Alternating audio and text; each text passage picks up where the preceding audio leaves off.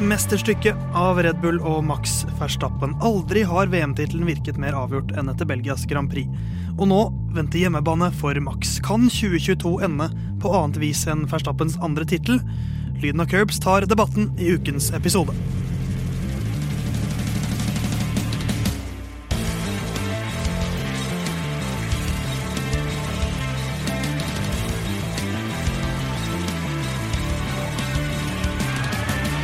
Ja ja, mensan Benelux-stemning i Formel 1-verdenen for tiden. Eh, De har vært i Belgia, de skal til Nederland, og det er hovedfokus, de to landene, altså. I dagens episode her. Lyden av Curbs er programmet du hører på eh, på Radio Nova, enn også podkast og radioprogram, da. Om eh, Formel 1. Theis sitter bak spak og klaff i dag også, og Jon Halvdan, du er trofast ved min side, for du, du ville aldri dolket meg i ryggen. Nei, eh, det ville ikke. Jeg hadde ikke engang dratt til Luxembourg en gang for å fullføre Benelux-statementet ditt her nå, Theis. Eh, Jeg er her eh, Ja. nå med sola midt i øynene eh, fra en eh, lav høyblokk eh, i nærheten, men det får jeg heller eh, Ja. finne meg i. Eh, Jeg har koset meg i helga, jeg. Og så eh, knusende seier til tross. Det ble Red Bull-seier. Hva var det beste du spiste i helgen? Det beste jeg spiste, det var nok Jeg var i bryllup eh, på Ah. lørdag, og da var det noe stekt kje som Det var veldig godt. Også. For de som ikke er så bevandret i matens verden, hva er kje? Eh, det er vel eh, noe, killing? noe, noe sauaktig. Det er noe sauete. Eh, noe brekete, i hvert fall. Eh, du er her, Jon Halvdan. Herman er fortsatt i USA. Det er han. Som vil si at vi har fått inn eh, en annen av våre faste vikarer. Eh, hvis du er Michael Schumacher, Jon Halvdan, så er du kanskje Ralf, eller er du Mick? Eh, Andreas heter du i hvert fall. Ja, I forhold til podkasten så er jeg vel kanskje er jeg vel Ralf eller Mick, men i gokarten så er det vel jeg som er Michael. Ah, ikke Ja. sant? Og du er jo ikke sønnen min, du er da broren min, eh, så eh, Mick eh, er du jo da ikke. Eh, Og så har vi litt likstemme, kanskje, så vi får annonsere oss Ja. sjøl på forhånd. Men, eh, men for dere er jo brødre. Det er Og du heter Jon Halvdan. Det stemmer. Mens du heter ikke Andreas bindestrek noe. Nei. Hvis du skulle, Kunne du hett for eksempel Andreas Ralf eller Andreas Mick? Eller hva? For ble det vurdert noen gang at du skulle ha et, et dobbeltnavn? Jeg tror ikke det var under vurdering da Jon Halvdan fikk eh, både morfar og farfars fornavn. Ja, fornavn. ikke sant? Så da, han tok alle, på en måte. Ja, han tok en helgardering der. Ja. Veldig grisk. ble ferdig sånn. med det. Men du er jo en grisk type. Ja, Men, eh, men Andreas, hvordan har du hatt det i helgen? Har du spist noe, noe godt du også? Eller har du, var du samme bryllup? Eh, ikke vært i samme bryllup, men jeg har spist eh, noe godt, faktisk. Hadde biff med poteter på fredagen. Mm, på Og nok øl på lørdagen til hele helga. Det høres godt ut. Det var ikke Eh, saus på fredag, så da ble det øl på lørdag. Eh, jo, det var saus, Ja. men eh, det var plass til øl dagen etterpå. Det beste jeg spiste i helgen- var noe enchiladas eh, som jeg bestilte. Takk til Volt, som leverte kjapt og presist. Vi er Ikke jo sponsa, eller? er Nei, ikke sponsa innhold på noe som helst vis, faktisk. Nei. Eh, men vi tar gjerne imot spons, så Volt, hvis dere hører på, så bare send meg en DM. Eh, vi, er i vi har vært i Nederland, vi skal til Belgia. Jeg skal jo da prøve å knytte inn tallet 27. Ah, ah, ah. Vi har vært i Belgia, vi skal til Nederland. Sa jeg motsatt? Ja. Ja, det beklager jeg. Eh, men 27. episode av Lyden av Curbs, og da skal jeg trekke inn tallet 27 i Formel 1. Eh, 27 seire, det er Jackie Stewart sitt nivå. Han er jo også tre ganger verdensmester i 1969. Det er jo gøy i seg selv. Ja. 71 og 73, en av tidenes eh, største. En av tidenes aller største for meg er også han som har vært 27 ganger på podium. Nemlig en vi har nevnt allerede. Det er Ralf Schumacher. Oh. Eh, Jeg hadde jo egentlig tenkt at jeg skulle knytte inn Nederland på noe vis, men da jeg så at Ralf hadde 27 podium, da holdt det med det. Ja. Eh, Vi kommer sikkert tilbake til navnet Schumacher i løpet av sendinga, men det har jo vært et belgisk Grand Prix. Det er din favorittbane, Jon. Absolutt. Så skal vi bare dundre løs. Vi dundrer løs. La oss dundre. Det har vært Belgias Grand Prix igjen, og vi prata mye i forrige episode om at vi syns det forrige utgaven var ganske kjedelig, eh, fordi at det ble jo egentlig ikke noe løp. Eh, Det ble et løp denne gangen. Eh, Vi skal jo komme tilbake til mer rundt det. Men Jon, du har fått det eh, ærefulle oppdraget denne gangen. Ja. For vi begynner alltid vår løpsoppsummering med å oppsummere løpet Ja. på 60 sekunder. Og nå er det jo litt sånn ha-ha at jeg kan jo eksempel lese opp tabellen eller Ja. et eller annet sånt. eh, Eller du kan er- begynne å se på en oppsummering på video og så bare fortelle hva som skjer. Ja, Men jeg har faktisk skrevet et lite manus da, som skal vare ca. ett minutt. Hyggelig gjort av deg. Ja. Er du klar, Jon? Jeg er klar. Da sier jeg klar, ferdig, gå. Etter fire uker sommerferie var Formel 1-sirkuset tilbake på spektakulære Spa-Francorchamps i Belgia. Max Verstappen ledet an med et voldsomt løpstempo i treningsrundene, og til tross Til tross for gridstraffer pga. bytte av motorkomponenter, var han bettingselskapenes favoritt til å vinne løpet. Bakerst i feltet skulle han få selskap av tittelrival Charles Leclerc, og det lå an til å bli en spennende løpsdag. Carlos Sainz starta i pole position og fikk en langt bedre start enn Sergio Perez på andreplass, som mista hele tre plasser på vei inn i sving én. På vei inn i svingen etter Kemmel Straight eh, glemte Louis Hamilton å sjekke blindsona, og bilen ble kasta opp i lufta da han traff forhjulet til Fernando Alonso. Løpet var over for Hamilton, som snart fikk følge av Walter Bottas, som endte i grusfella da Nicolas Latifi nok en gang gikk tom for talent. Verstappen dro av en eh, visirbeskyttelse som endte i bremsene til Leclerc. Ferrari måtte dermed pitte han tidlig, og da var det ingen igjen til å stoppe Verstappen fra å cruise inn til en knusende seier etter å ha starta på 14.-plass. Her var det jo mye hikking og, oh. og bouncing og sånt. Men du prata deg godt inn på ett minutt og to sekunder. Ja, det, det, Hvis ikke er for de litt sånn eh, småfeilpratene, eh, så eh, hadde det vært langt over. Eh, men jeg, jeg, blir som deg, Theis, ekstremt nervøs når denne uh, sessionen her skal i gang. Eh, og det bidrar til litt mer feilsnakk. Ja, Pulsen stiger og stiger. Vi kan begynne på toppen. Max Verstappen. Veldig mange tar en sånn strategisk motorbytt til det løpet her. Mm. og så starter vel Max til slutt fra er det 14 startposisjon, når Sunoda, Sunoda, måtte jo starte fra pit. Ja, det er reelt 13.-plass, ja, men ja, per definisjon 14 jeg, min, min, følelse gjennom eh, dagene før, da jeg liksom først fikk med og Leclerc og Verstappen tar, tar gridstraff, da tenkte jeg yes, de starter fra 19. og 20.-plass, de kjører seg opp, og det blir fett. Ja. For hvert nye navn som ble lagt til på den lista, så tenkte jeg bare mer med det her vinner Max, det her vinner Max, det her vinner Max. Eh, hva, hva, hva, tenkte du før, eh, før, start, Andreas? Hva tenkte du om Max sine muligheter? Ja, før, eh, før, det var første practice, så tenkte jeg egentlig ikke så mye om at, uh, hvor langt han ville komme opp i feltet. Var mer snakka med Halvdan og vi vurderte kanskje er det Mercedes som endelig skal ta det den gangen her. Men uh, etter første practice session så så jeg bare folk skrev at uh, holder Max det tempoet her, så kjører, kjører, han forbi alle sammen og lapper de. Ja. Og så blir det jo også en utrolig gunstig start for ham. Han starter jo kjempebra. En liten divebomb på inneren i første sving. Tar ja, noen plasser der. Ganske rolig jo, jo, likevel. Ikke, ikke, hodeløst, men sånn, men sånn fornuftig divebomb. Og og så vet jo alle der at Hvorfor skal jeg ta denne kampen mot Max? Han kjører forbi meg uansett. Jeg, da driter jeg i mine egne dekk, da, hvis jeg gjør det. Ja. Eh, og så kommer det en tidlig safety car også, eh, som jo ikke skader mulighetene hans. Og, og, fra det øyeblikket så var jeg det er ikke spenning. Ja, altså Idet uh, Leclerc uh, fikk den her uh, tear-offen, da, eller Ja, så kom den egentlig fra Forstappen. Ja, det, ja men det, det, er flere som har meldt at det var Stroll den egentlig kom fra. Ikke at det har så mye å si, men det er jo Nei, det, det har ikke så mye å si, men uh, Verstappen poengterte det visstnok på radioen sjøl også. Ja, okay. Og det er bildeklipp av sånn forsvinner ut fra høyresida av Red Bullen til Verstappen. og så er det på høyresida av bilen til ja, okay. Leclerc. Men uansett, det var jo ikke med vilje. Det var, så Eh, det, sånn, det, har skjedd ja. flere ganger, så det er jo et problem i seg selv. Absolutt, og det, kanskje man skal finne noen løsning på det. vet ikke jeg. Eh, det er ikke det viktigste problemet Formel 1 har om dagen, kanskje. Eh, men uansett, da, så da Leclerc måtte inn og endte opp på en hva da, 14.-15.-plass igjen etter safety car, med maks på da på åttendeplass. Ja. Da er det sånn, nå er det ingen igjen til å stoppe han. Og det sinnssyke løpstempoet som han hadde altså den, Det er greit at Max er en god fører, men den Red Bullen var altså så suveren. Hadde nye motorkomponenter også, som eh, nok skyldes noe av forskjellen til eh, Peres også. Eh, men det var vel snakk om åtte tideler per runde på første treningsrunde. Og han hadde et helt sinnssykt løpstempo på de softdekka. Så ikke ut til å egentlig være plaga noe særlig av degradation, altså at dekka ble dårligere.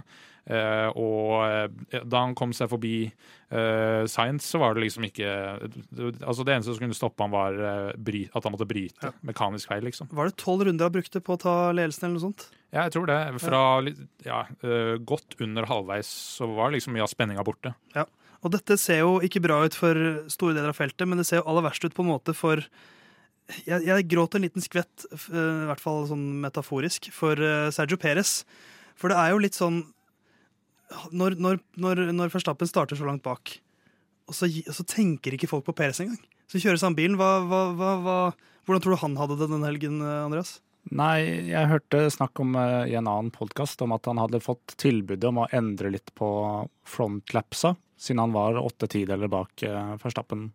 Og han hadde visst vurdert det en liten periode, men han ville ikke gjøre det, for da hadde han kunne hatt mindre kontroll på bilen sammenligna med hvordan Max hadde det. Ja, fordi Max han liker en veldig sånn overstyrete bil, Ja. eh, og eh, det kan han leve med. Mens Peres var det helt på grensa at nei, jeg kan ikke leve med mer ustabil bil. Ja. Eh, og det skyldes nok noe der også. altså så er det vel ikke helt lik spekk på bilene, pluss nye motor hos Verstappen. Pluss altså Det er jo et talentgap her som man liksom ikke kan helt legge skjul på, da. Selv om eh, ble, han vant enkelt andreplass. Ja. Eh, Det sier litt om eh, hvor eh, suveren den Red Bull-bilen var eh, på, eh, på spa. Ja, og jeg, jeg satt og For midt under løpet så skrudde jeg litt over på, på, på F1 TV, så kan man jo skru over på førerkamera. Da skrudde jeg over på kamera til Max Verstappen litt. Eh, For det første så er det utrolig hvor lite oversikt man har. Eh, Da, da jeg, jeg satt og så på han der i sånn fem minutter, og så gikk jeg tilbake til løpsoversikten, og da var det sånn Hva er det som har, hva skjer nå? Jeg skjønner ingenting av hva som skjer. Jeg syns egentlig de kunne lagt på grafikken Ja, i det minste. En, enig, men så, det, så da fikk jeg litt mer som erfaring sånn Ja, de aner ikke hva som skjer når de sitter i bilen sin. Nei, nei. Men eh, det var også sånn veldig merkbart hvor kontroll, kontrollene hadde han satt sånn og spurte med, etter at de hadde kjørt i 18 runder sånn Ja, hvor mange runder er det igjen nå? Det var liksom som et lite barn som bare ville bli ferdig med det fordi det var så kjedelig. Så det virka kjedelig.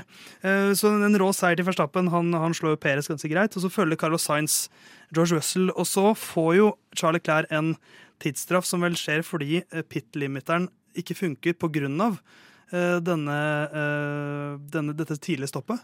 Ja, så vidt jeg har forstått, da, så er det den her tear-offen fra visiret gikk inn i eh, eh, luftinntaket på bremsa foran på høyre side. Det brant opp sensoren foran der, som er den mest nøyaktige uh, hastighetsmåleren som er på bilen. Uh, så da har de et backup-system som er bak, som ikke, har like, eh, som ikke er like nøyaktig. Så han kjørte 80,1 km i timen eh, i um, pit lane, og fartsgrensa er 80 km i timen. Ja. Så det var at den, altså det her visirgreiene, det var ikke bare at han måtte skifte dekk eh, eller pitte tidlig, det var også det som ga eh, tidsstraff. Ja. Så er det jo en eh, Selv med den tidsstraffen, det, altså det er jo mye tull rundt det valget Ferrari gjør på slutten her. Men før vi prater om Ferrari, så skal vi høre litt fra vår amerikavenn Herman Borgstrøm, som ikke er her. Men han har både litt kritikk til oss, og kanskje noe som vi kan prate litt mer om her, Herman. Ja, da er det jo dags for uh, en liten rapport fra meg igjen. Som dere hører på det nærmest kunstig idylliske kontentumet, altså den bakgrunnslyden jeg har her, så er det sånn deilig naturlyd. Og det er fordi jeg har krypet ut av en amerikansk storby og til eh, Yosemite National Park. Det er litt artig, for mange tror det heter Yosemite, men det gjør jo ikke det. Eh, Så vi er og rusler litt rundt i her, da. Eh, Håper å se bjørn i morgen, faktisk. Den dagen podkasten spilles inn. Eh, Ja. Det kommer jo da en oppdatering på eventuelt neste uke. Men det er noen ting jeg må ta tak i, og det går litt på forrige episode. Der ble det sagt noen ting jeg er uenig i. Det ene er liksom antydning av at Leclerc er mentalt svak og ha-ha, han skal inn under dyna og at han har den type mentalitet. Det kjøper jeg ikke. Um, og jeg liker egentlig ikke når vi, man jeg kan, jeg kan gjøre det sjøl òg, det er ikke det, men altså at når man begynner å sette seg inn i andre sine tankerekker, enten det er eh, en fotballspiller på banen som tenker et eller annet, eller at det er en utøver som har en tendens, og vips så mener man at han er mentalt svak og sånne ting. Det kjøper jeg ikke i det hele tatt. Um, og så må man arrestere, og da blir det min jobb, da. Uh, Jon Halvdan sin beundring av Horner når, det- når det ble, ble snakk om Ferrari og Binotto, og at han liksom ikke takla det her og, og alt sånt her. Så du må roe deg litt ned, Jon Halvdan. Det, det blir for mye. Uh, og den siste tingen Hva var det igjen? Eh, jo, det var det her med at eh, Ferrari nå i hvert fall burde ofre Science eh, og prøve å legge alle egga i Leclerc sin kurv. Eh, det var jeg totalt uenig i. Eh, enda mer uenig nå, selvfølgelig, selv om dere kanskje ikke mener det etter løpshelga som var heller. Men eh, ja, fordi er det noen gang man på en måte kan likestille førere, så må det være i den situasjonen Ferrari og egentlig alle andre lag unntatt Red Bull er i nå.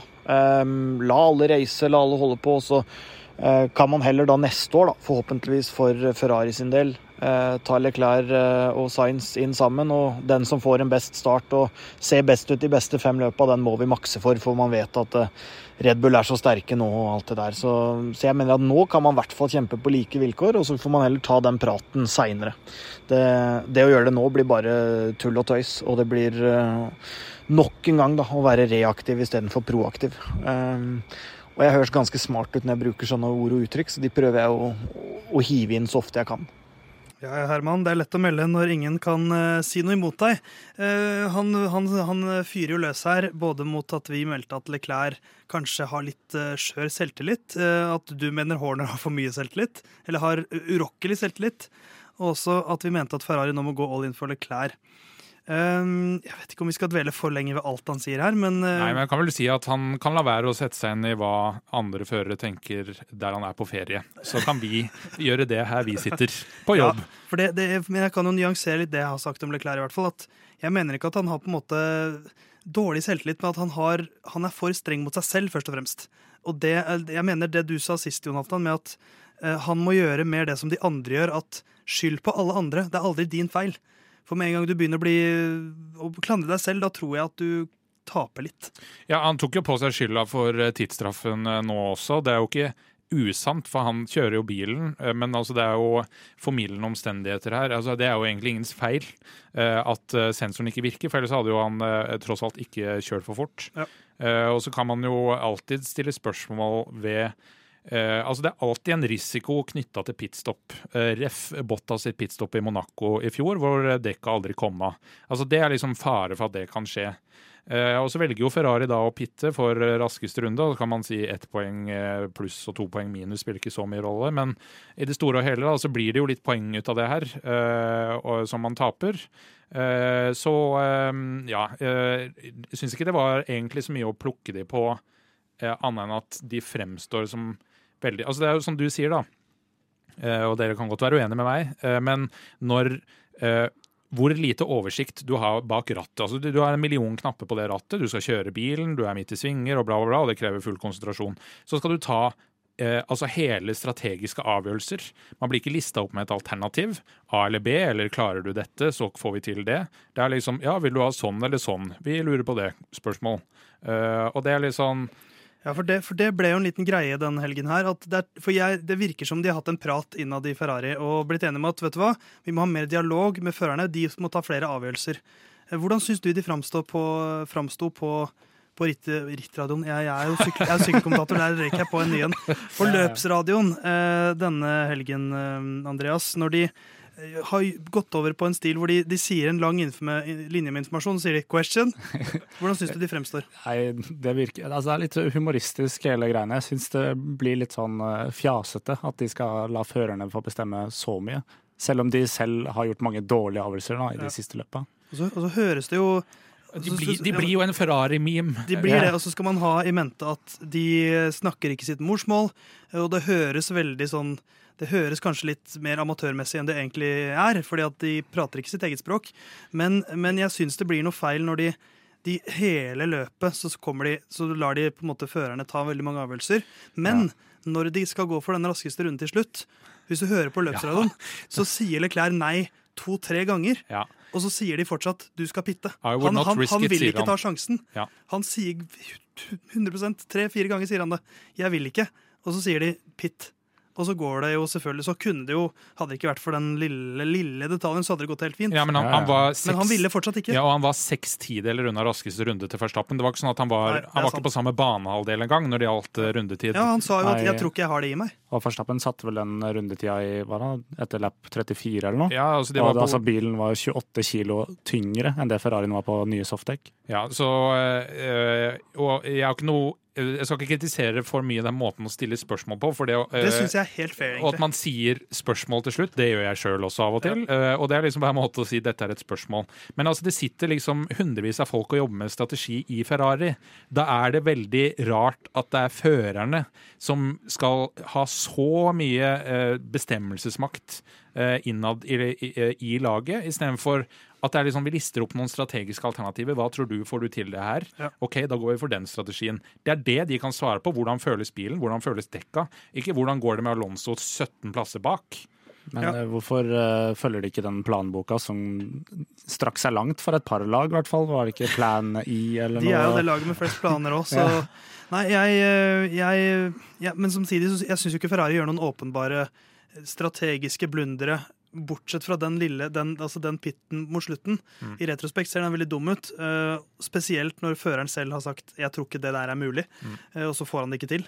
Uh, og det er såpass langt unna. Men, men løpet som helhet syns jeg ikke de gjør noe galt i.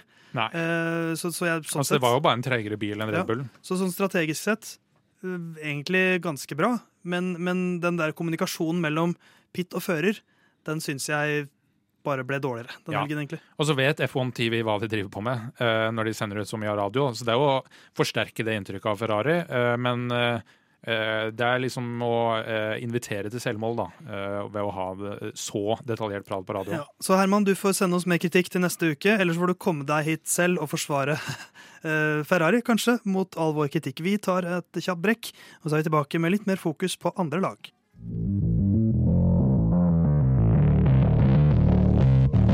Vi får hoppe litt nedover da, og gjøre et hopp ned til eh, Louis Hamilton. eh, og da skriver jo vitsene seg selv. Porpoising, bla, bla, bla. eh, Still I Rise osv. Det blir veldig gøy. Ha-ha. Morsomme memes som folk er så kreative på. Han startet jo fra et godt startspor. Ble nå P- P4 til slutt, da, etter at det var så mye gridstraffer. Ja. Og så ryker han det Mercedes beskrev som den verste kvalifiseringa deres noensinne. Ja, for de fant ikke helt De hadde OK løpspace, Mm. men, men i kvaliken så var det ikke veldig bra. Så han, jo, han var jo sjuende raskest i kvaliken. Ja, og jeg er helt sikker på at Kevin Magnussen og Mick Schumacher de sitter og tenker ah, det, fy faen og ræva den der Mercedesen Ja, Mercedesen ja, ja. er. Men alt er relativt. Eh, også hvor bra bil Absolutt. kjører. Men så kommer de da, etter Camel Straight, så kommer det et par svinger, og der svinger Hamilton rett og slett inn i eh, Fernando Alonso. Uh, og så eh, tar han jo fullt eierskap eh, i ettertid og sier jo at eh, ja, det var min feil. Eh, og så har jo også Alonso svart ganske godt. Alonso- Alonso kom jo med en ganske kraftig salve. Ja, jeg har, altså Min umiddelbare refleks var det der må være Alonso sin feil. Fordi det skjedde så langt foran i bildet. Men det er bare Ja. klassisk Alonso å være skyldig i Ja. en sånn uh, greie. Men så, og så er det jo Alonso melder jo at Hamilton kan bare starte fra fronten av. Han, eh, ja, han kan ikke kjøre bil, nærmest. Ja, Det har han jo beviselig vist Ja. at han får til. Ja. Og Alonso er jo Han har jo altså det, er det noen som har så mange rivaler som Alonso er liksom Alle er Alonsos hovedrival, men jeg tror ikke det er noen som føler de har et rivaleri med Alonso. Jeg tror Annet enn Alonso. Eh, Nei Jeg tror det er eh, mange ensidige rivalerier hvor han føler han har et rivaleri med noen annen, men de ikke følger med han. ja, ja, for han er sånn der uh, han- Han er jo klassisk road rage-fyr. Ja. Uh, hvis noen Litt som deg. Eh, ja, men, men Er jeg du, er, la oss holde den litt. Jeg og Herman mener jo at Jon Halvdan har et sinnemestringsproblem bak rattet. Er du enig, Andreas, du som er hans bror? Eh, ja. Ja. Det- Kan, du, kan du utdype litt? Har det vært noen stygge situasjoner? Uh, nei, ikke noe sånn Jeg tviler på det. Tipper dere har opplevd akkurat de samme Ja. tinga som vi andre som har sittet i bil med. Jonathan. Det, er- det, er- han er egentlig helt lik for Alonso, for, for, for å gi, litt, uh, gi deg en, et halmstrå da, Jon. Nei, det er, Så Alonso Poenget mitt er med Alonso Han mener at hvis det er en eller annen som gjør noe med meg foran, så er det min eh, altså Ja. De gjør det kun fordi det er meg. Ja, det gjør ikke jeg. Nei. Det er bare nok en bil som er idiot. Men du er også da litt som Alonso, at når han da får spørsmål om dette intervjuet etterpå, så sier han jo som sant er at det koker litt i bilen, og, eh, og det er jo synd at Og det blir klippet, og folk må huske at her prater jeg til min kollega, eh, egentlig kun. Jeg tenker ikke at dette skal alle høre. Eh, og, og jeg kjøper det at du sitter der med livet, på, livet som innsats. Og jeg har jo høy puls Ja. eh, akkurat i denne delen av løpet pga. løpsstarten. Så Ja. selvfølgelig har jo de det også, og da blir man jo litt ekstra eh, bråsint. Ja. Og så, så Hamilton har jo eid sin feil der, og så syns jeg det oser en Han var offensiv i starten her og tenkte vel at dette er en mulighet til å vinne et løp, og da går man litt all in, og da trekker man seg ikke, og han driter i om han blir nummer fem eller Ja, altså, Seks, og tror- han har lyst til å vinne. Og jeg tror ærlig talt at han det, Altså, dette var en helt sånn uh, honest, uh, ærlig feil. Fordi han trodde at han var lenger forbi. Uh, Han var jo ganske godt forbi, men ikke langt Ikke så langt. Så, så den var lei, og så kjører jo George Russell et helt anonymt løp og blir nummer fire.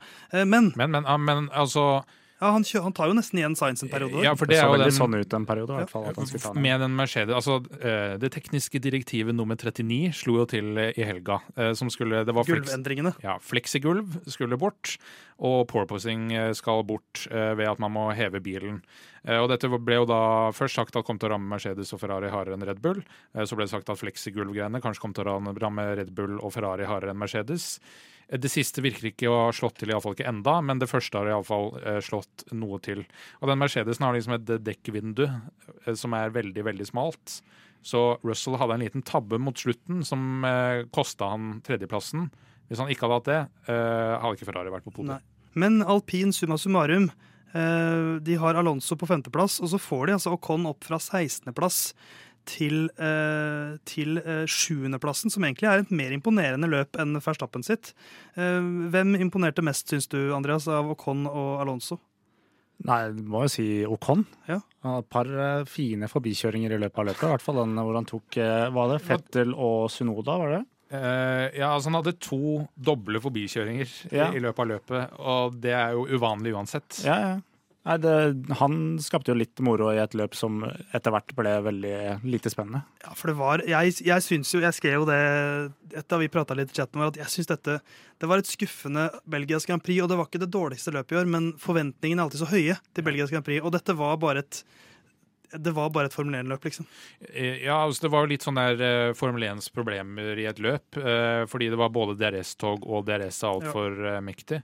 Uh, men Men alpin, tilbake til alpin. Ja, fordi hvis du sammenligner da alpin-bilen med McLaren-bilen og Aston Martin-bilen, så kan jeg ikke skjønne hvorfor alle skal løpe bort fra alpin. Fordi det Aston Martin må ha vist på sine powerpoint-slides til Alonso for å få han til å forlate båten, det må være ganske imponerende greier, fordi de er jo ikke Altså, de er nærmere, da, enn McLaren, som Piastri skal til, i stedet for alpin. Og McLaren, altså, de ser jo ikke ut. Nei. Nå skal, jeg, nå skal jeg gjøre et tegn her, Jon Halvdan. selvfølgelig. Nå gnir jeg tommelen mot mine Ja, det var, det var dit jeg skulle, å si at det er ikke kanadiske dollar. Det er Nei, mange av de det står på. jeg skjønner at- Jeg skjønner at det er penger, eh, og for Aston Martin sin del så kunne de gi en lengre kontrakt til Alonso, som er 94 år gammel i Formel 1-sammenheng. Skal fortsette å få rivaler. Eh, ja, så, eh, eh, men, men jeg, jeg skjønner ikke likevel. Og Ricardo, hvis han nå får komme tilbake til alpin, hvis det er det som blir løsninga for han, som nå er ute av kontrakt, eh, gratulerer. Du har eh, gjort en god deal. Tenk hvis han får sin revival i alpin. Ja, det hadde vært helt Ja. konge. Nei, men det, det er ikke så lett å si, ass. Men, eh, men en god helg for alpin, som nå eh, seiler, seiler litt av gårde i konstruktørmesterskapet. De er ganske klart på fjerdeplass nå. 20 poeng har de nå til McLaren. Eh, og, og det er ikke mange løpshelger der McLaren er bankers på å få 20 poeng, altså. Eh, det er vel knapt noen. Så de har, et, de har en buffer nå. Eh, og de virker jo som det fjerde beste laget nå. Ja, og det er jo så små forskjeller mellom de at det er liksom to til fire poeng fra eller til Eller eh, hvis McLaren gjør det bedre enn det de gjør i det siste, og får Ricardo med, så er det maks noen to til fire poeng de gjør det bedre enn alpin. For alpin kan gjøre det ganske mye bedre enn McLaren. Så det er fordel alpin de siste rundene her, altså. Hva skal vi si da om eh, Jeg har lyst til å, altså Pierre Gasly kjører et kjempeløp. eh, kjører seg fra pit lane opp til niendeplass. God strategi. Men jeg syns det var gøy å se Fettel. Han syns jeg kjørte bra. Og Alexander Albon. For det var så mye som skjedde den helgen her. Men han kommer seg til Q3 på pace, på ren pace. Og, og det føler jeg blir sånn glemt. Ja, det blir litt glemt. Altså, den uh, Williams-bilen var jo raskest i sektor 1 uh, av alle bilene. Uh, og det er greit å ha når du skal være lokfører i et RS-tog. Uh, at du er uh, At, du er, at lokomotivet er det raskeste av Ja. alle bilene. Så han holdt jo stand lenge og var liksom god nok resten av runda til å holde på den tiendeplassen. Uh, Så uh, uh, Albon, vis, Albon viser jo at han er klart bedre enn Latifi, som klarte å surre det til igjen. Uh, og vi har vært harde med Latifi, og det kommer til å være harde med Latifi så, så lenge han er i Formel 1. Eh, det Albon gjør i dag, eh, eller på søndag, var eh, veldig imponerende. Og eh, kjører jo da mer enn det den bilen kanskje egentlig er i stand til. Eh, så imponerende at han klarte å holde de eh, så, så mange så lenge bak seg. Og så er det selvfølgelig tungt for Herman å se at den eh, tiendeplassen hans skyver Lance Stroll ned på 19.-plass i eh, førermesterskapet. Eh, så nå er, det to, nå er det dobbelt kanadisk nederst hvis vi fjerner Hulkenberg da, fra mesterskapet, som jeg syns vi skal gjøre. Um, ja, da er det fortsatt et par lag til å prate om, men eh, mer om det straks.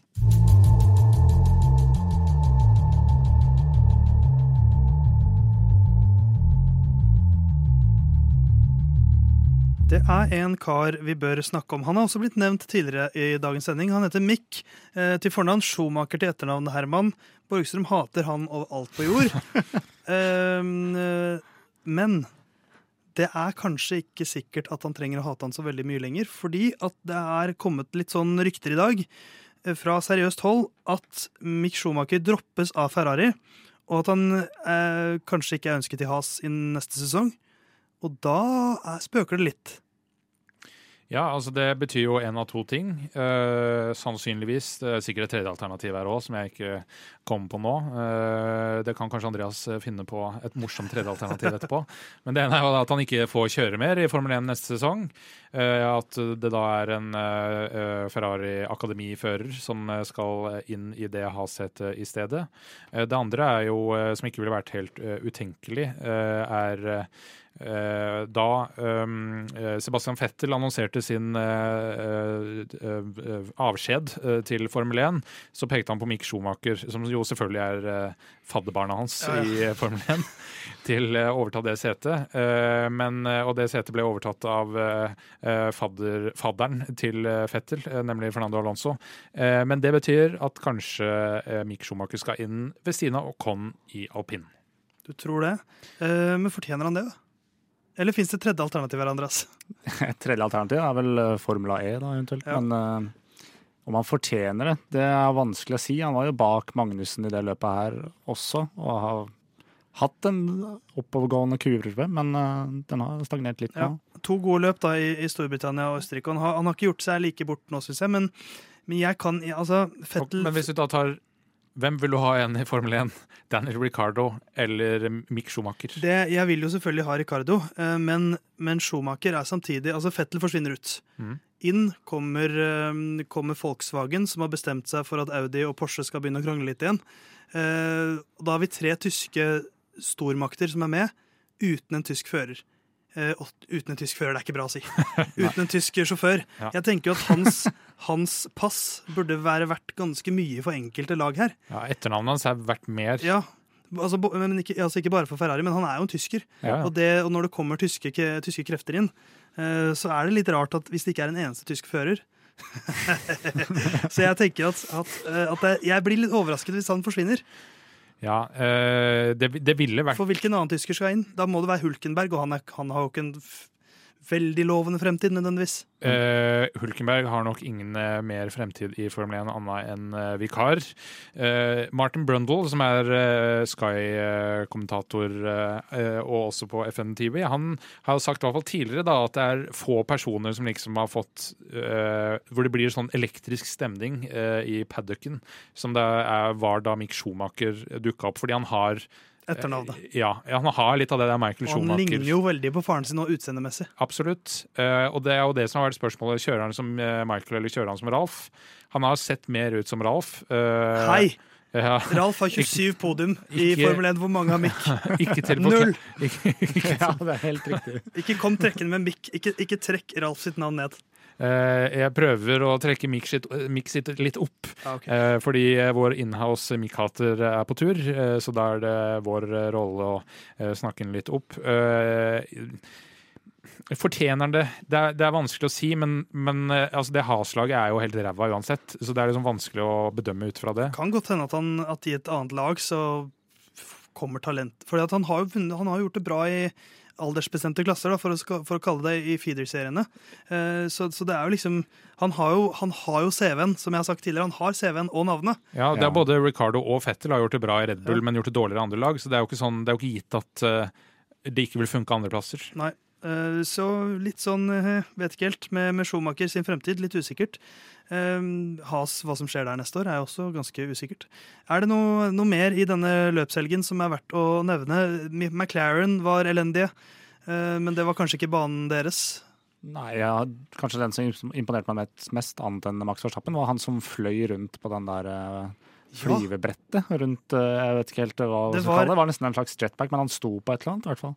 En slags sånn, sånn, eh, sånn som folk bruker i havet, sånn slags wakeboard-variant. Ja. med Bare bare at det var raketter, på en måte. Ja. Ja, Så han 19 førere var det han som imponerte mest. Nei, men det, det var jo et litt kjedelig løp. Ja, det var jo det, fordi at det var så fordi at, Og så var det litt spenning om tredjeplassen. Det var Ocon gjorde noen kule greier. Men så lenge det er såpass satt hvem som blir nummer én og nummer to, så er liksom, det er begrensa hvor spennende det er med kampen om sjetteplassen, liksom. I hvert fall når eh, Russell stoppa opp såpass eh, tidlig. Han ble bare liggende to sekunder bak veldig lenge. Ja, og så er det jo noe med det der eh, Og jeg syns jo at vi skal snakke ting opp, at det er fortsatt spennende, det er mange runder igjen osv., men man ser jo liksom mesterskapet litt renne ut, da. Eh, Spenninga i at Førstappen er så suveren på en bane som passer Red Bullen kanskje best av alle banene på kalenderen, men likevel, suverent var det Ja. Og så er det det at det kommer etter en sesongpause hvor Verstappen vant de to siste løpene før sesongpausen. Eh, Og man liksom tenker at nå må, Fett, nå må, nå må eh, Leclerc ha en sånn Fettel-run hvor han vinner åtte på rad. Og så begynner det med, en, med liksom den mest suverene, mest overbevisende seieren Max Verstappen har hatt noensinne. Ja, og mest seire per i løpet av én sesong, det er Michael Schumacher og Sebastian Vettel med 13.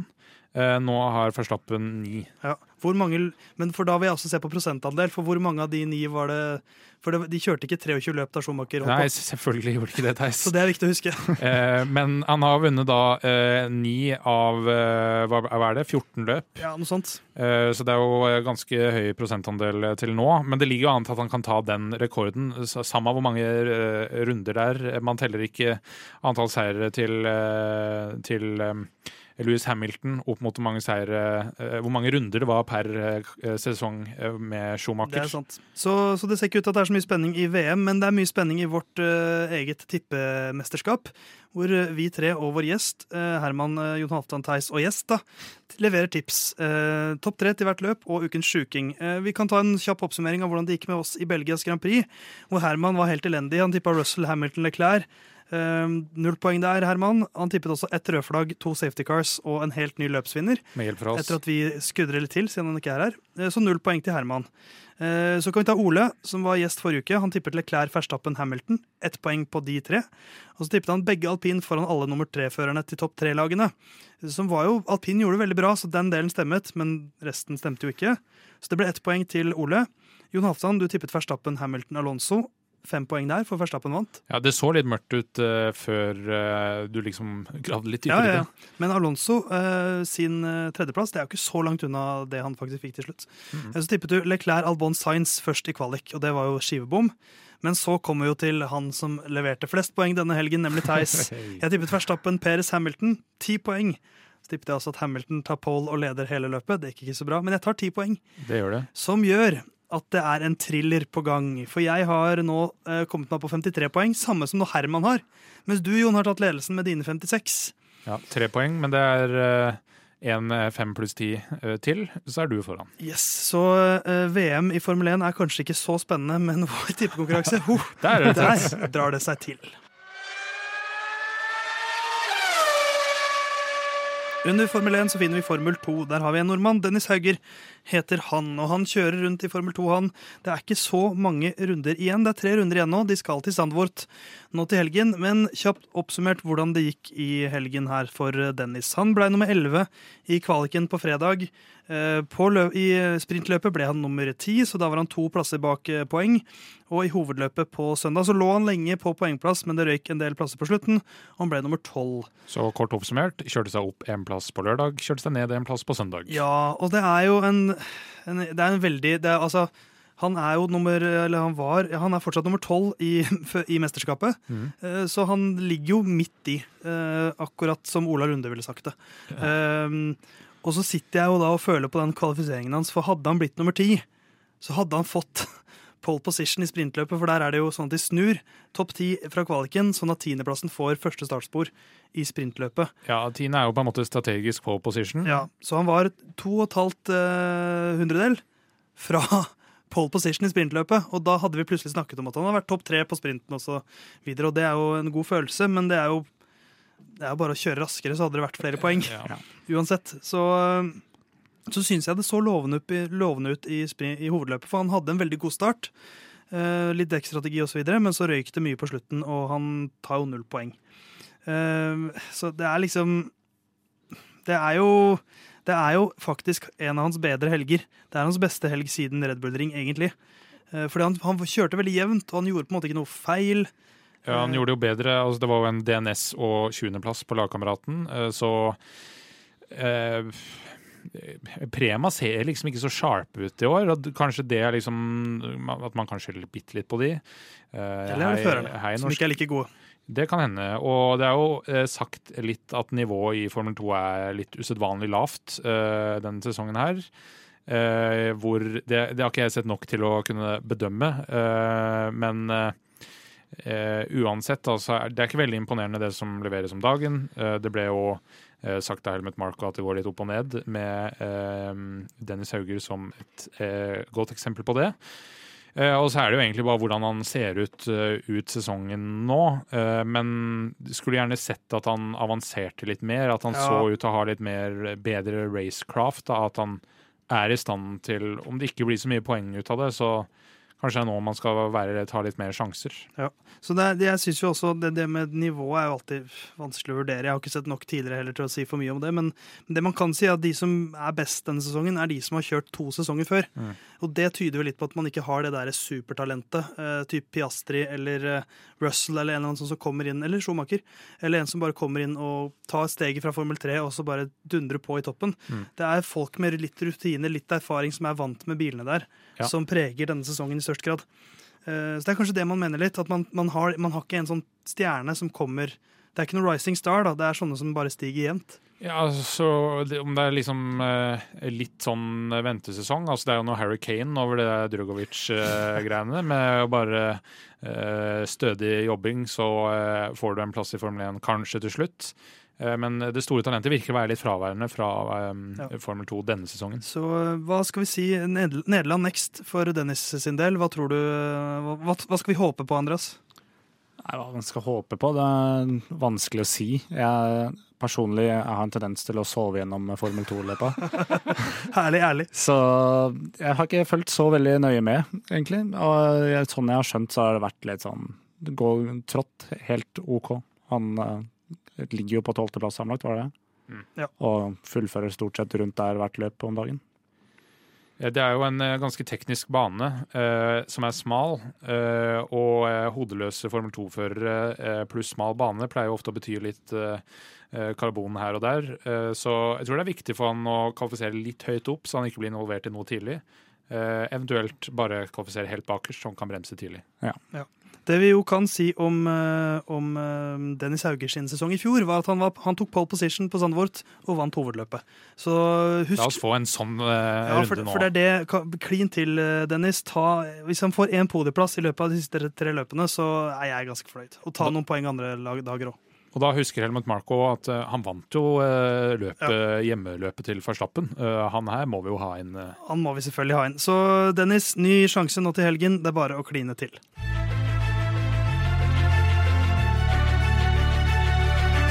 Nederland, ja. Nederlands Grand Prix er jo tilbake i Formel 1-sirkuset. Det ble hjemmeseier i fjor til Max Verstappen, som vant kvalik og vant løpet. Eh, Nederland er jo et land som jeg har besøkt for ikke så lenge siden også. Jeg var i Amsterdam eh, en liten tur, da jeg også var i Belgia. Så dette er jo, de følger jo på en måte min reise nå for sirkuset. Eh, og den nederlandske nasjonalsangen har jeg nok hørt flere ganger enn den norske nasjonalsangen nå. Fordi at Nederland er veldig god i den sporten jeg jobber mest med. Så, Hvilken sport var det igjen? Sykkel. Det var sykkel. Jeg, har, jeg, kommenterte jo f.eks. banedelen av OL i fjor, ja. og da vant Nederland så mange gull at det var perverst. Men Jon Halvdan, Zandvort. Zandvort. Topp ti banenavn, men en bane vi ikke kjenner så godt. Men du kan gi oss en liten gjennomgang. En liten gjennomgang. Circuit Zandvort. 4259 meter fordelt på 14 svinger. Eh, Det skal kjøres 72 runder, så det er vel da blant nest flest runder i Formel 1. Eh, Hver runde har to DRS-soner. Den ene starter midt i siste sving og går langs hele start-målstrekket og en mot slutten av sektor 2 mellom 10 og 11. Eh, Bygd eh, omtrent samtidig med Silverstone eh, etter, i etterkrigstida med at det ble litt mer motorinteresse da. Og Andreas minte meg på her om at det er en stund siden jeg har tatt en banekartet ligner på. Og her ligner banekartet litt på en sånn fjernkontroll til fjernstyrt bil, hvor man liksom holder den i én hånd og så styrer på hjulet med den andre hånda. Eh, og så er det litt uh, halvfun fact. Uh, Herman er jo veldig glad i The Orange Army. Og fargen oransje er jo den nasjonale fargen i Nederland pga. det nederlandske styrende huset, monarkiet. Oransjen og så. Stemmer. Så derfor oransje. Denne lyden skal vi høre mye av i denne helgen. Dette er da fra da Herman var i Spanias Grand Prix. Ja. Så det kommer til å bli sånn bare enda mer drøyt. Um, Zandvoort i fjor var jo et løp eh, som kom mot slutten av sesongen. Det var jo da det lå vippet mellom Verstappen og Hamilton, og etter det løpet så hadde da Verstappen tre poeng eh, å gå på til Hamilton. Det er ikke like viktig nå. Så dette, Andreas, eh, hva, hva frykter du vi får? Kontra hva, hva du håper vi får? Nei, Frykten er vel at det blir bare Red Bull rein dominanse, sånn som det var i Belgia. Ja. Og her vil jo da ikke Eller kanskje Peres tar en straff, det er usikkert. Det ville vært overraskende hvis han tok det her, siden Ja. det er så vanskelig å kjøre forbi. Men uh, altså, ingenting er umulig. Men uh, ja, da er det jo fort i hvert fall P1 på Verstappen, og Ja. ja, kanskje han leder hele løpet. Hva håper du vi får? Nei, det hadde vært gøy med litt regn, da. Åh. Men, Jeg glemmer eh, jeg har ikke sett på varemeldinga, så jeg skal ikke, si, skal ikke si at det er det som kommer til å skje. Men eh, det kunne i hvert fall skapt et interessant løp. Ja, Theis taster febrilsk her i .no Men nå. mens jeg gjør det, Jonathan, så kan du fortelle litt om, eh, om hvilken bil tror du har fordelen her. Fordi at det var jo toppfart som gjaldt i spa, på spa, og også neste løpet etter det løpet her, på Monza. Men hva slags beist er, er Zandvoort? Eh, Det er et litt annet beist. Mer, eh, hva skal jeg si, eh, litt raskere Ungarn. Det er veldig smalt. Og eh, eh, ganske mye mer eh, svinger, og da gjerne eh, lav til medium hastighet, og ikke medium til høy, som det spa er. Eh, Og så er det jo liksom hvordan eh, dekka hvilke, Om det er fordekka eller bakdekka som er de som er mest utsatt for slitasje. Er det bakdekka, så er det fordel ofte Red Bull, og er det fordekka, så er det ofte fordel Ferrari. Jeg tror jo at dette er en bane som kommer til å passe Ferrari bedre. Eh, eh, Så er jo spørsmålet da hvor mye bedre er Red Bull nå etter sommeren enn var før? Eh, Som det er bedre enn Red Bull også, er litt vanskelig å si. Men jeg velger å være litt positiv at det i hvert fall blir litt mer fight. Ja. Det må være litt sånn forsøk på å utmanøvrere hverandre strategisk. Da stiller Ferrari godt. Ja, da, De har jo den beste strategiske avdelinga i Formel 1, som jeg har sagt mange mange ganger. Eh, og Da er det fordel i. Ja, men selv en even a broken clock eh, viser riktig tid eh, ca. to ganger i døgnet. Så det kan jo hende at de treffer nå. Eh, og selv en blind høne kan finne korn, som jeg pleier å si. Men dere, dere lurer kanskje på regnværet. Jeg lurer på Det kommer mandag kveld, det. Selvfølgelig. ja, mandag kveld, ja. Ja. Men det er, det er faktisk meldt bitte litt antydninger til regn natt til mandag. Så det er jo lov å håpe at, At værgudene blåser det inn over Sandvort litt tidligere. Ja, og så er det jo en litt sånn eh, rar statistikk til nå, da, at Red Bull har vunnet på eh, Ferrari eller Ferrari-førernes hjemmebaner, eh, mens det har vært eh, motsatt. Eh, altså eh, Ferrari vant i Østerrike, eh, og det er jo bare der de har vunnet av Ferraris baner, men nå er de på Nederland. Eh, På i Nederland. Eh, Det kan jo eh, selvfølgelig gi litt ekstra boost til Verstappen, og at han blir jo ganske hengjerrig. Kan bli. Men det er jo lov å være- mildt positiv til at Ferrari i hvert fall har mer å stille opp med her, om ikke kanskje den bedre bilen. Men hvis vi ser på, på hva som egentlig er spenninga nå For det er jo det er en mann som har, har fem fingre i hvert fall på førermesterskapet. Men det er ganske jevnt i kampen om andreplassen. Og, og for, for Sergio Perez, som har to fjerdeplasser på rad nå de siste to sesongene, eh, så er det jo dette et steg opp for hans del, men samtidig så blir han jo knust av sin makker. Jeg lurer litt på han, hvordan han ser på å få den andreplassen. Er det liksom ja, Da fikk jeg den, i hvert fall. Eller tror dere han vil være fornøyd med det? Jeg tror han er såpass eh, altså sikker på at Eller sikker og sikker. Det kan være dager han tenker han er bedre enn Max, men jeg ville tro han ser på seg selv som kanskje en litt dårligere fører, eller føler på det, kanskje. Så det at han blir nummer to er, i sammendraget totalt, vil jo være en, eh, en god bonus, da, når det er såpass mye treigere enn din medfører. Nå har jo Forstappen 98 poeng ned til Leclerc, og det er åtte runder igjen, inkludert eh, eh, Nederland. Nå skal det være ett sprintløp inni her òg, så det, vi får bare stryke det. Eh, så han kan tape tolv poeng eh, per eh, runde til Leclerc og fortsatt vinne mesterskapet de siste åtte rundene. Eh, så eh, er det liksom nå man skal begynne å ofre Forstappen litt til fordel Peres for å sikre andreplassen? Så Peres er jo nummer to nå, da, så han har jo på en måte vist selv at jeg kan fikse det her, altså. Men, for eh, så vidt sant, det. ja. Så, eh, så jeg vet ikke helt, men han har jo Jeg Det er jo så, det er så full kontroll her, men, eh, men Ferrari har jo to mann som ikke er så langt bak Peres. eh, Og så er jo Russell faktisk også med i den kampen. Så var det ikke så positivt for utviklingen for Hamilton sin del. Jeg tror han gir litt beng om å bli nummer to, tre, fire eller fem. Han virka rimelig ferdig med den bilen Ja. eh, etter løpet i helga. Ja. Så eh, får vi se om eh, practice sessions i Nederland kan kanskje gi han noe bedre. Men eh, det ser ut som om vi allerede har begynt å liste oss litt over i tippeland. La oss ta eh, turen dit fullt og helt, og ikke stykkevis og delt.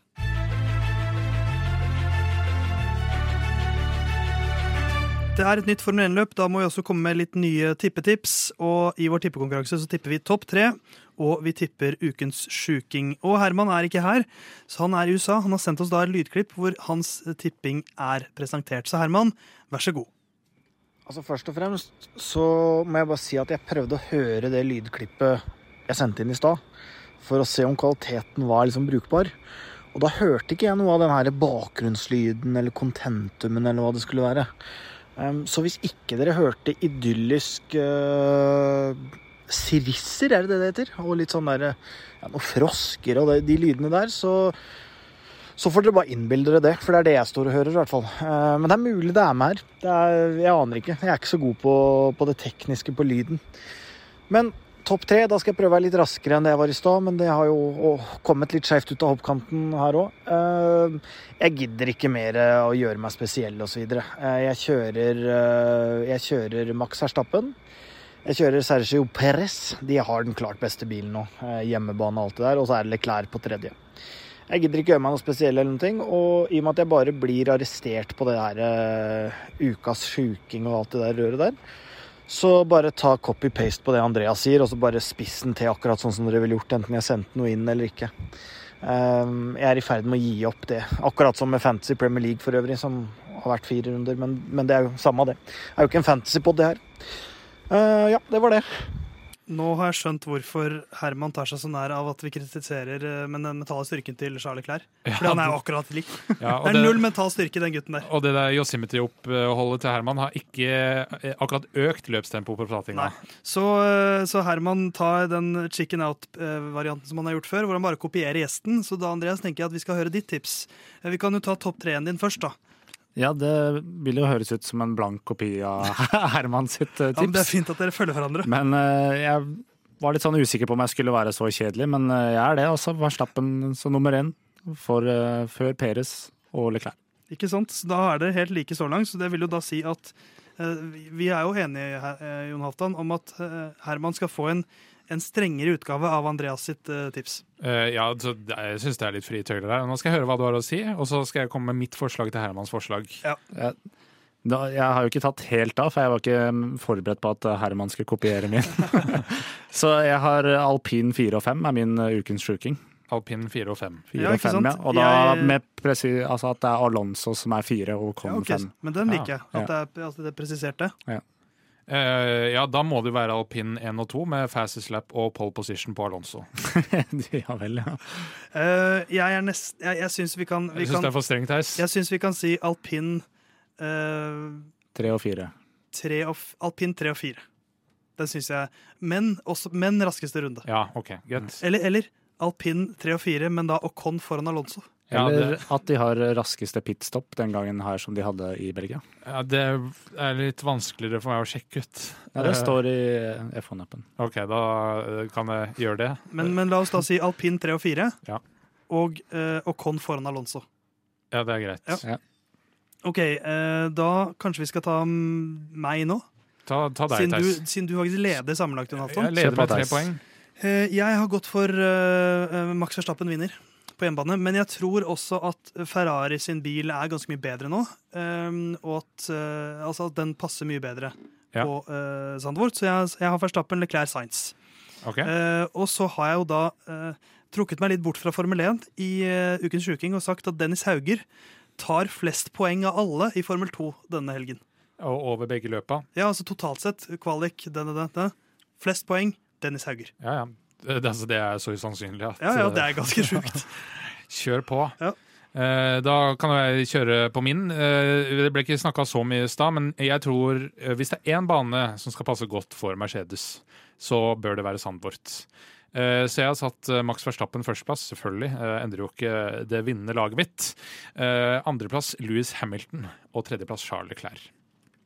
Eh, og så er vi over på ukens sjuking. Eh, jeg leder jo eh, med hele tre poeng, så det er ikke noe vits å være noe snauere enn å si. Eh, det kommer ikke til å fullføre nok biler til å fylle alle poengplassene. ja, OK. Ja, altså det, Har vi noe å arrestere ham på der, Andreas? Det, det er vanskelig å ta noe så veldig usannsynlig. Fordi vi har vært Dette er en trang bane, det er mye svinger. eh, Det er litt varierende talent i feltet. Og vi har ikke sett noe fullstendig hodemist ennå, men nå begynner det å dra seg mot slutten av sesongen. Eh, Ikke helt slutten av sesongen, men eh, det begynner å dra seg litt til, da. Eh, Men, Så eh, derfor tror jeg på massevelt, som Theis ville sagt. Eller masse ville. Men selv under med Walter Båta som eh, sånn eh, brøytebil, så var det fortsatt nok folk som fylte poengplassene. Ja, Jeg håper på regnvær, da. jeg håper på Rennes. Men Det er eh, altså, det er en av, de be en av de bedre ukens sjukinger vi har hatt. Så det blir uh, firedobbelt Verstappen eh, og litt miks på hvem som blir nummer to. Det virker som vi tror Leclerc blir nummer tre, da, eller Science, tror jeg. Og så skal Alpine gjøre det veldig bra. Den Saugerski gjør det veldig bra, og det skal krasjes som faen. Ja, det skal Det er vår spådom til Nederlands Grand Prix.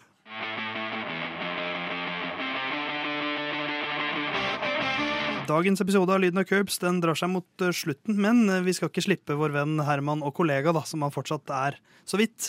Eh, han har sendt oss et spørsmål som han vil at vi skal svare på før vi gir oss. Ja, meg igjen her. Fra Yosemite. Nå holdt jeg på å si Yosemite òg, det hadde jo tatt seg ut. Men siden jeg er i gang med å fylle sendeflata i sin helhet med lydklipp fra amerikanen her, så, så har jeg et spørsmål, da. Og det er på en måte Jeg ønsker at dere skal få fram hvilken sånn floskel som blir mest lira av seg i Formel 1, men som på en måte ikke faktisk gir noe mening. Litt som at uh, i fotball, for eksempel, da. Sikkert en dårlig sammenligning, uh, som alltid, men at der sier man jo at uh, lag fra Balkan ofte har en ekstra fighter-mentalitet. Eh, hvorvidt det er sant eller ikke, det, det skal jeg ikke gå inn på nå. Det er, det er jo ikke fotball det handler om. Uh, selv om det skulle kunne virke sånn kanskje av og til her. Men altså, hvilke sånn derre ja, hva, er, hva slags sånn derre tulleprat, pisspreik, eh, er det liksom ekspertene og fans og sånn lirer av seg som overhodet ikke har rot i virkeligheten? Um, og jeg kan jo sparke det i gang, for det er jo tre forslag eh, kanskje fra meg, kanskje to. Uh, ja, jeg nøyer meg med to. Det ene er jo kritikken av Leclerc og det mentale der. Uh, det er jo bare oppspinn. Uh, og det andre er kritikken av Miami, og at det var liksom eh, verdens verste løp omtrent. Det også er jo på en måte Det blir bare surr og uberettiga. Så hva, hva, hva mer har dere å komme med der, som, som er i den gata? Ja, Det er jo fin hersketeknikk her fra Herman, som uh, egentlig mener Han definerer en floskel som kritikk som jeg er uenig i. Ja, Det er en floskel ifølge Herman. ja, for jeg kunne jo sagt en floskel uh, som jeg er uenig i, er at Mercedes er tilbake i tittelkampen når europasesongen starter. Altså Det kunne vært en eh, type floskel. Ja. Nei, men så, så jeg er jo ikke enig i at det Herman trekker fram der som uh, Formel 1-relaterte floskler, er floskler, men sånn som han sier at, at lag fra Øst-Europa er hardtspillende, f.eks., det er jo en god floskel. Absolutt. Så jeg vet ikke, har vi noen Jeg kan jo si først at alt Helmut Marko sier, eh, kunne jo vært en floskel. Han er jo Red Bull-sjefen som sier mye rart. Ja. Men jeg har lyst til å begynne med at eh, måten man beskriver enkelte førere på som så utrolig unike, eh, sånn som at Daniel Ricardo har vunnet åtte løp. Han, han er en av de største, et av de største talentene. Han bare har ikke fått den rette bilen. Og det sies om så mange. Det, altså, Nico Hulkenberg snakket helt likt om sånn eh, han er en av de beste i verden. Han har bare ikke den rette bilen. Vi skylder han å gi den. Det er så mange førere som han sier det om. Og jeg da lander alltid på hvis de hadde vært så gode som det de hevder, så hadde de hatt en bedre bil. Ja. Så det mener jeg er en ganske sånn etablert Formel 1-floskel. Den opppratingen av potensielt talent. Ja, eller hvis man kan si 'hvorfor er ikke han i en bedre bil'? Er litt sånn, jeg Det er blir også en floskel, på en måte. Blir ofte stilt. Ja. eh, det er Det er ikke er som stilles. Ja, og det er fordi han ikke er bedre, Ja. eh, ofte. Ja. Eh, men altså, det er jo eh, selvfølgelig altså, Det hender jo at det er grunner til at det ikke er ledig sete i Mercedes, f.eks. Så det er på en måte to floskler som er han, han, han er verdensmesterpotensialet, og så er det han kun, da, burde, da ville han ha vært i en bedre bil allerede. Ja. Så det er mine to. Uh, ja, jeg har jo da én eh, som uh, er litt floskel, egentlig. For det er jo da uh, 'rain is the great equalizer'. Altså at når det regner, så er alle bilene mer like. Og der er jo Red Bull for eksempel, et godt eksempel på at det var en bil som fungerte veldig godt når det regna, og dårligere når det var tørt. Det er andre biler nå også. Mercedesen, som er denne sesongen, virker å ikke være verdens letteste bil å kjøre Ja. når det regner. Så det er jeg litt imot, med mindre dere er uenige. Den er vel ikke verdens letteste bil sånn generelt. Men jeg, jeg vil jo si at eh, regn er ikke en great equalizer at, at bilene er nærme hverandre, men at det skjer mer kaotiske ting. Det gjør eh, det. Som gjør at sjansene for at de beste bilene ikke fullfører, for eksempel, er større. Men de er fortsatt de raskeste bilene. Ja, og ofte Og det er mer eh, kanskje talentmessig da, at det vil skinne litt mer igjennom. At sånn som Peres uh, Verstappen eh, er, er eh, Peres dårligere på regn enn Verstappen. Ja. og det syns bedre når det er regn. Eller sånn som Russell sin sparunde i fjor. Ja, Som jo er et eksempel på at hadde det ikke vært regn, så hadde ikke han fått til det. Nei. Eh, Eh, Så er det også en, en eh, til. Uh, og det blir jo da å snakke ned uh, Formel 1-helga, og jeg ser jo dette religiøst uh, uansett. Men i hvert fall denne sesongen, og også egentlig forrige sesong, eh, hvor viktig kvalifiseringa egentlig er. ja, den betyr Altså, jeg satt og tenkte da jeg så Verstappen sitt løp den helgen her, at dette er som når jeg starter et nytt Formel 1-spill, en ny Formel 1-karriere på FN-spillet, og så har jeg glemt å skru opp vanskelighetsgraden. Eh, hvor jeg fra Jeg kan starte fra P20, og så fiser jeg gjennom feltet på første fjerdedelen. Ja, ja. Det var akkurat sånn det så ut som, fordi det var så lett. Det var et annet nivå. Ja. Eh, og det viser jo at grid er Og det så vi også på Var det, var det Brasil i fjor? Ja. Sprintløpet hvor, hvor, hvor Hamilton bare Ja. var på en annen planet. Ja, det er biler, både Red Bull nå og Mercedesen i Brasil, som eh, eh, Hadde dette vært et videospill, så må den bli nerfa. Så jeg vet ikke, Har du, noen, har du en, siste, en siste floskel, Andreas? Nei, jeg begynte jo men når jeg så at vi skulle snakke om floskler, og søke opp hva det var for noe. Så det er min floskel. Jeg er uenig i at eh, dette burde vært eh, et tema i det hele tatt. Ja, ikke sant? Ja. Men det er, eh, jeg, jeg syns jo at de flosklene Herman kom med, var ikke floskler. Nei, Det er noe som heter confirmation bias. da, altså Ja. at uh, eh, Noen ting som man opplever som opplest og vedtatt, når det inntreffer, så uh, føles det ut som at det stemmer. Ja. Uh, men uh, ja, kvalifiseringa, for eksempel, hvor viktig den er, er nesten ikke viktig. Oppskrytt. Men uh, Jon, før vi stikker, har du noen tider til oss, eller? Uh, det har jeg så fort jeg får åpna uh, appen på eh, denne EDB-maskinen Ja, det er jo en heter floskel eh, kalender. Eh, fredag klokka 12.30 starter eh, første trening. Kvalifiseringa er klokka 15.00 eh, på eh, lørdag. Den er ikke viktig å få med seg. Eh, søndag derimot er løpet samme tid, klokka tre. Eh, Sandvort. Eh, så får vi se om det blir eh, fortsatt Mercedes-dominans, eller eh, det blir det i hvert fall ikke. Eh, Verstappen-dominans, og kanskje eh, Ferrari melder seg på. Koser du deg med Nederlands Grand Prix til helgen, tror du, Andreas? Det er forhåpentligvis. Takk for besøket. Takk for meg. Takk for deg også, Jon Halvdan. Ja, Koser du deg med løpet på søndag? Eh, det blir nok reprise. Ja. Men eh, kos deg med de Nederlands eh, Grand Prix. Eh, Lyna Curbs tilbake neste uke. Og du, tips en venn om oss, da. Så blir Herman veldig glad. Da lover han å komme tilbake innen to, to ukers tid. Takk for oss.